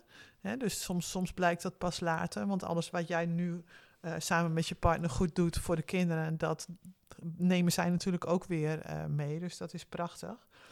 We hebben al lang gepraat. We gaan denk ik eh, naar een afronding toe, eh, zo langzamerhand. We eindigen meestal met eh, drie wat, wat luchtige, leuke vragen. Wat geeft jou hoop, Eefke? Nou, gisteravond ben ik bij een bijeenkomst geweest van Spreidstandburgers, georganiseerd door onder andere Tim Jongers. En eh, het geeft mij hoop dat daar ook professionals zaten die ervaringskennis hebben, maar die daar nog heel voorzichtig over zijn met het uitspreken ervan, maar die wel de noodzaak ervaren van het naar buiten treden. En dat geeft mij hoop. Hm. Want net zoals Jan Rotmans ook omschrijft, dat hij pas echt eh, eh, ja, het gevoel had dat hij, dat hij ertoe deed, zeg maar, in zijn vak. Eh, dat heb ik ook gehighlight hier. Ik kwam veel meer in verbinding met mezelf en toen pas kon ik verbinding maken met anderen. Vroeger etaleerde ik vooral hoeveel ik wist en dan kom je niet in verbinding met mensen. Je cre- creëert eerder afstand. Hm. En dat vond ik zo mooi dat iemand die eigenlijk in een totaal ander, ander, andere wereld leeft, zeg maar, hè, eh, een hele andere bubbel, precies hetzelfde ervaart als dat van mij. En eh, dat geeft mij hoop, eh, omdat er toch ja, meerdere mensen zijn met dezelfde gevoelens. Mm. En als je dat ja, als je dat dan bij elkaar kan aanwakkeren. Toevallig zat ik ook weer een serie te kijken, Enola Holmes. En die eindigde met een quote van It only takes one... eh, it only takes one flame to start a fire. Hm, hm.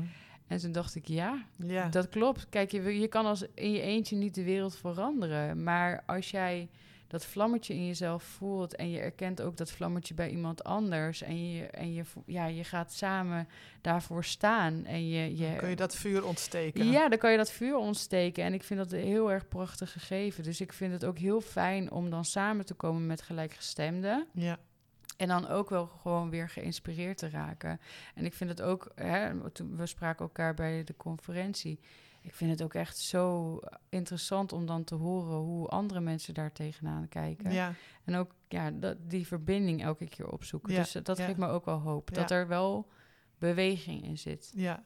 Ook al gaat het soms voor je gevoel misschien te langzaam, maar het gebeurt. Ja, nou ja, dat, dat zegt hij ook. Van dan moet je even uitzoomen. Uitzoomen. En ja. als ik dan kijk naar hoe ik een paar jaar geleden erbij zat en hoe ik nu erin sta, dan ben ik, kan ik een schouderklopje geven aan mezelf. Want ik heb wel eh, heel veel stappen gezet in eh, mijn persoonlijke ontwikkeling, maar ook hè, in, in ja, mijn omgeving. En ehm, ja, dat, dat geeft mij ook wel hoop. Dat Ja. ik zelf ook wel heb ervaren dat ik het aan kan. Dus die zelfvertrouwen. Dat en dat je zelfvertrouwen daar ook zelf het heft in handen kunt nemen natuurlijk. Ja, Ja. ja, dat ook. En Ja. dat, ik, ja, dat je ook gewoon ja, het zelfvertrouwen kan putten van... oké, nou, ik heb dat trauma en ik reageer soms nog steeds vanuit mijn trauma... maar ik herken de patronen en ik kan er ook wel weer mee aan de slag. ja. En het vertrouwen hebben dat je dat ook aan kan. Mooi. Ehm, wat staat er nummer één op je bucketlist, als je er één hebt? Mijn bucketlist. Ja. Goh. Ja, ik heb er zoveel. Oh my gosh, moet ik ook nog kiezen. nou, het mag ook nummer twee of nummer drie hoor. Of, eh, Eh, mag ik ook meerdere kiezen? Ja, voor mij wel. Nou ja, ik zou ook wel eh, wat, ik, wat ik nu wel heel graag wil, is ook de, de wereld in trekken om ook de lessen te, te trekken uit andere, eh, ja, uit andere praktijkervaringen in andere landen. Dus ik, ja, ik wil eigenlijk gewoon nog meer verbinding. Ja. dat is eigenlijk het enige wat ik echt heel graag wil, is de verbinding in Nederland. En ook verbinding naar buiten. Eh, ik heb zo veel eigenlijk in mijn, in mijn kopje gezeten. Mm, Dat ik mm. echt wel gewoon heel erg veel naar buiten wil. Ja. Dus die, die, die, die drang naar verbinding, dat, dat resulteert denk ik in heel veel bucketlist eh, punten. ja. Ja, ik wil de wijde wereld in. En wat jij hebt gedaan, dat je naar Mexico bent gegaan en dat je daar eh, ook dat feest hebt kunnen vieren. Nou, dat wil ik ook. ja, Ja, ja. ik wil heel veel reizen, Ja. maar aan de andere kant, ja, ik wil het eigenlijk ook heel klein houden. Is dat, ja, dat ik gewoon de, ja, mijn kinderen zie opgroeien. Ja. En dat ik ook gewoon mijn kinderen daarin mee kan betrekken. Dus Toevallig dat ik volgende week dan ook met mijn oudste dochter naar dat internationale congres ga. Oh. Ja, want ik vind het ook heel belangrijk dat ook de volgende generatie weet wat er allemaal Ja. speelt qua problematiek. Ik, Ja. ik, ik ben heel vaak teruggefloten hè, door pedagogen dat ik, dat ik te open was. Mm. Maar kinderen. Naar de kinderen toe bedoel nou, je? ja, maar ik heb afgelopen. eh, nou ja, voor de kinddag was afgelopen maandag. En kinderen gaven aan, gaven zelf aan. Praat met je kinderen over alles. Ah, Betrek ze ja. erbij, Ja. want anders gaan ze het zelf invullen. Want ze voelen het toch Ze wel. voelen het wel, ze hebben het door. Ze hebben Ja. voorsprieten van hier de Tokio. Je kan het beter precies ja. benoemen en ook uitleggen. En Zodat er geen speculatie hoeft te Precies, ontstaan. dat er geen Ja. ruimte is voor nee. eigen invulling van... oh, het ligt aan mij. Want dat heb ik wel heel vaak gehad. Hè. Dan waren er, eh, nou ja, hè, was- er spanning thuis en ik wist, ik kon het niet plaatsen. Uiteindelijk ging ik er altijd vanuit dat het aan mij lag. ja. Spreek dingen uit. En ik, die, dat heb ik ook wel echt toegepast aan mijn kinderen. En, en eh, ook nu, ik wil niet dat mijn kinderen te snel opvoe- eh, opgroeien. Ik neem ze in bescherming, maar ik neem ze ook mee en ik betrek ze ook in wat Ja. mama doet. ja. En daarbij... En ook eh, de interesse aanwakkeren van hoe gaan wij nu onze, Ja. onze rol vervullen in deze wereld. Ik stel me zo voor dat dat ook ehm, ehm, ja, laat zien hè, dat we, we onderschatten, denk ik, kinderen vaak in wat Oh, ze zeker. kunnen begrijpen en in hoe ze daarmee kunnen omgaan. En er wordt natuurlijk ook vaak gezegd door trauma-experts. ehm, het, het, het is niet wat het kind meemaakt, maar de mate waarin het kind alleen is met die ervaring. En als je dat met ze deelt en met ze bespreekt, dan zijn ze daar niet mee alleen. En dan kan het gesprek daarover doorgaan. En dan kan die veerkracht juist tot ontwikkeling komen, denk ik. Ja, dat vond ik een hele mooie, die overtuiging dat eh, hè, met verlatingsangst en het eh, niet zien eh, dat het uit het hart, of uit het oog, uit het hart, dat, dat als, als je zeg maar achter je handen zou verschuilen, dat een baby zou denken dat je weg zou zijn. Eh, die overtuiging is weerlegd in de wetenschap. eh, want kinderen kunnen wel degelijk eh, ook dingen herinneren en, en, en ervaren ook wel. die, die zien ook wel dat er gewoon dingen maar tijdelijk even weg zijn. Ook, daar hebben ze ook op Netflix een hele Hmm. serie over. Oh. Over het spelletje met de bal onder die drie kopjes. Oh, ja, ja, ja. Ja, hebben ze het dus uitgeprobeerd.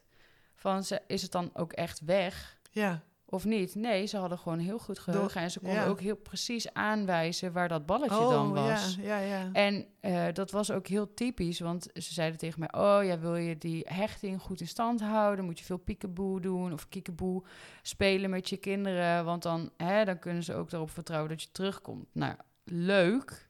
Maar ik had al vrij snel bij mijn eigen kinderen door dat ze me aankeken alsof ik achterlijk was. Ze waren dat stadium al voorbij. Ja, ze waren, nou nee, nee, maar ze waren echt baby. Maar dat ze dachten van, oké, maar je bent er nog. Dus Oh, ik heb eigenlijk... Oh, zo. Ja, dus je eigenlijk... denkt toch niet dat ik denk dat je er ja, niet meer bent? precies. Ja. van, are you taking Ja. a piss of zo? Weet je wel? Dus toen dacht ik ook bij mezelf van... Oké, maar ik voelde me dus echt wel flink in het ootje genomen... toen ik erachter kwam dat Sinterklaas eh, niet bestond. Ik ga vanuit mijn eigen overtuiging mijn kinderen benaderen. Dus Ja, heel cru misschien, maar ik liet ze ook af en toe schrikken. ja, ja. Ja, ja ik En nam ze dan- ook wel eens in de maling inderdaad. Ja. Dat ik zei bijvoorbeeld... eh, wat een eh, mooi eh, blauw tafelkleed ligt er op tafel, Ja. terwijl het rood-wit geruit was, zoals hier. Ja. Om te zien dat ze... hmm, Ja. Nee, dat klopt niet. Hè? De- durf je je eigen waarneming te vertrouwen en kan je daarin eh, met ze eh, over in gesprek eh, Precies. gaan. Ja. Ja. Oké, dus die bucketlist, eh, zeg je in het klein is dat in ieder geval je kinderen groot zien worden en ze ja, daar en eh, dat ze ook bij gewoon... begeleiden. Ja, en Ja. ook dat ze hun authentische, authenticiteit Authenticiteit, eh, ja. bewaren. En dat ze ook gewoon zijn, mogen zijn wie mogen ze zijn, wie ze zijn. En Ja. dat ze ook gewoon vertrouwen in hunzelf. Dus dat zelfvertrouwen ook voldoende opbouwen. En ik moet zeggen dat ik best wel eh, trots ben op wat ze nu al zijn. En hoe ze in de wereld staan. Ja. En eh, ja, Nou ja, dat Weet zegt ook dat- iets over het proces wat jullie samen hebben Ja. doorlopen natuurlijk. Dus Ja. dat is heel mooi. En wat is eh, iets waar je op dit moment heel ehm, enthousiast over bent... of waarvan je zegt, daar ga ik mee aan de slag eh, de komende tijd? Nou Is ja, iets? vooral dat verbinden weer Ja. wederom. Ja, Ja. nou ja, dat is... Dat, ik moet zeggen dat het me makkelijk afgaat. Ehm, juist ook omdat ik op een hele andere frequentie zit. Dus ik heb altijd ervaren dat mensen heel erg open naar me zijn. Omdat ik juist ook heel erg durf om eh, kwetsbaar op te stellen. Dus dan krijg ik dingen te horen die andere mensen niet horen. Dus dat is ook... ehm, dat vind ik ook een hele eer. Ja, Dat mensen mij Ja. vertrouwen. En dat wil ik ook niet schaden. nee. En ehm, ja, dat, dat, dat geeft mij ook wel weer het vertrouwen dat, dat als ik dat blijf herhalen, dat dat, dat rip, ripple effect, zeg maar, Ja, dat dat ja. ook wel, ehm, ja, dat dat ook wel effect heeft. Ehm, ik heb altijd in de periode, in mijn donkerste dagen, heb ik altijd, ben ik ook heel vrijgevig geweest. Hmm. In, in zowel het dienstbaar opstellen als in, hè, eh, als ik zag dat iemand anders het heel erg moeilijk had, eh, dan gaf ik ook gewoon dingen gratis weg. Want hè, gewoon sharing is caring, Mhm, dat ook. mhm. En dan vroegen mensen vaak van, ja, maar jullie hebben het ook niet breed, kan ik je betalen? En dan zei ik altijd, nou ja, ook mijn vriend, die zei, paid forward. Ja, dat, ik, ik, ik voelde hem aankomen. ja, hem dat aankomen, eh? Ja, dat is een, dat, ik vind dat ook eh, inderdaad, dat is een heel mooi principe. En eh, nou, ik, ik denk, ehm, hè, je hebt genoemd de kracht van kwetsbaarheid. Het idee is ook van waar komt veerkracht vandaan en hoe kunnen we dat voeden in elkaar. Eh, ik denk dat Paying It Forward eh, zeker ook naar, naar de volgende generatie daar een heel mooi instrument voor is. Daar ben je druk mee, daar ben je enthousiast over, daar wil je mee doorgaan. Ja, Nou, dat, dat lijkt me prachtig. En nou, ik vind het heel mooi om te zien dat je, eh, eh, zeker als we jouw verhaal ook hebben mogen horen en, je bent daar heel open over, dat gaf ik in het begin ook aan, ehm, ja, waar je nu eh, staat. En dat laat denk ik ook echt iets zien van hoe we als mens veerkrachtig zijn en hoe we met toch ook een beetje mazzel en een beetje geluk met goede mensen en goede ondersteuning hier en daar eh, een groot verschil eh, kunnen maken en grote stappen kunnen zetten. En dat we ook als mens allemaal eh, die mogelijkheid hebben om, om dat instrument voor de ander te zijn. precies. En nou, daar wens ik je heel veel succes bij in de Dankjewel. komende tijd. Dank je wel voor je tijd. En nou, we gaan elkaar vast nog wel weer we spreken of uit. tegenkomen. We, zetten de microfoon uit, maar Ja. we praten gerust verder nog. Oké, dank je wel voor je tijd, Eefke. Jij ook bedankt.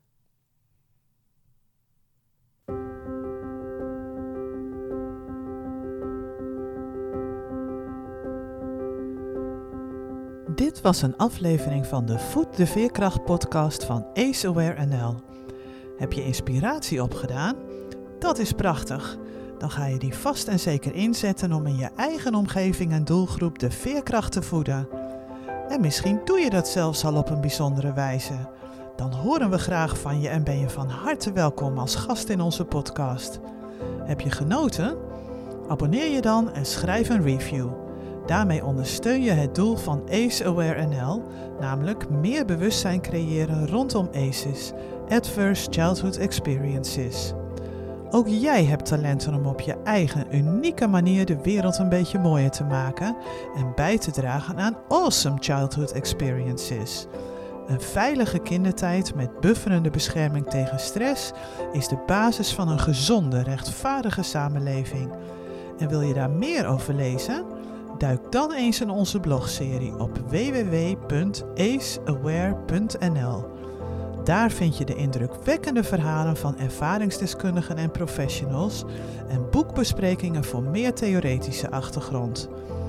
Wil je een training afspreken of in een consult je eigen ontdekkingsreis aangaan? Neem gerust contact op zodat we samen een plan kunnen maken. We hopen dat je er de volgende aflevering weer bij bent. En om op de hoogte te blijven kun je ons volgen op Facebook, Instagram, LinkedIn, Twitter of via onze website. Een mooie dag gewenst en voed de veerkracht!